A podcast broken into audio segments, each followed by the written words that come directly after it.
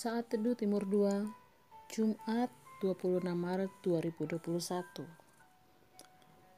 Roh Kudus mengubah kita menjadi serupa dengan Dia. Diambil dari 2 Korintus 3 ayat 17 sampai 18. Berkata, sebab Tuhan adalah roh dan di mana ada roh Allah, di situ ada kemerdekaan. Dan kita semua mencerminkan kemuliaan Tuhan dengan muka yang tidak berselubung. Dan karena kemuliaan itu datangnya dari Tuhan yang adalah roh, maka kita diubah menjadi serupa dengan gambarnya dalam kemuliaan yang semakin besar. Dalam surat Yakobus dikatakan bahwa tubuh tanpa roh adalah mati. Yakobus 2 ayat 26. Sebab seperti tubuh tanpa roh adalah mati, demikian juga iman tanpa perbuatan-perbuatan adalah mati. Maka dalam ayat-ayat itu roh memaksudkan sesuatu yang memberikan kehidupan kepada tubuh. Tanpa roh, tubuh mati. Karena itu dalam Alkitab, kata roh atau ruah tidak hanya diterjemahkan sebagai roh, tetapi juga sebagai tenaga atau daya kehidupan. Jadi, bagaimana sebaiknya kita meresponi Roh Kudus yang adalah Allah sendiri dalam kehidupan kita? Pertama, belajar untuk taat pada Roh Kudus. Seluruh keberadaan kita taat pada Roh Kudus yang adalah Tuhan dan pemimpin kita. Itulah yang disebut dipenuhi Roh Kudus.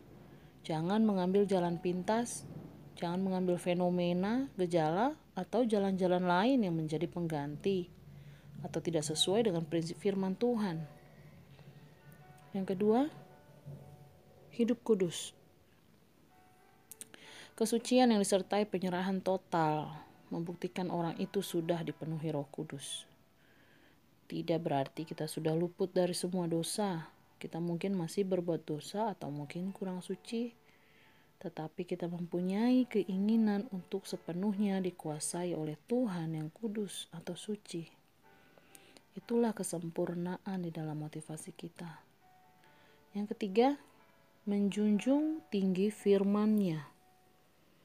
Orang yang dipenuhi Roh Kudus adalah orang yang hatinya dipenuhi dengan firman dan segala hikmat Tuhan yang tersimpan di dalam kekayaan firman-Nya. Jadi, Roh Kudus dan firman tidak bisa dipisahkan karena Roh Kudus adalah roh kebenaran. Yang keempat, menjalankan kehendak Tuhan.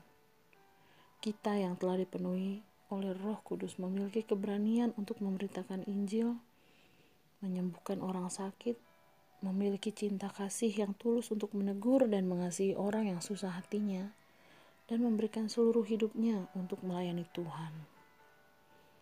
Yang kelima, menghasilkan buah roh. Allah lah yang mengerjakan di dalam kamu baik kemauan maupun pekerjaan menurut kerelaannya dalam Filipi 2:13.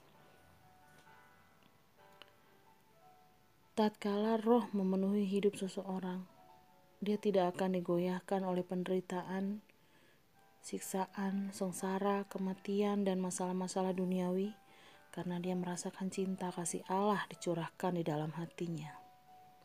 Dengan cinta kasih itulah dia mengatasi berbagai macam penderitaan dan kesulitan hidup.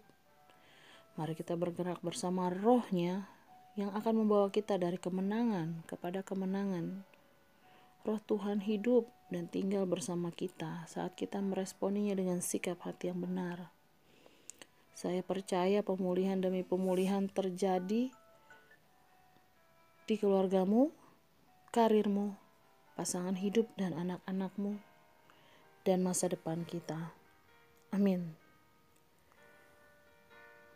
Bas hari ini, hari ke-83 diambil dari 1 Samuel 22 sampai 24. Tuhan Yesus memberkati.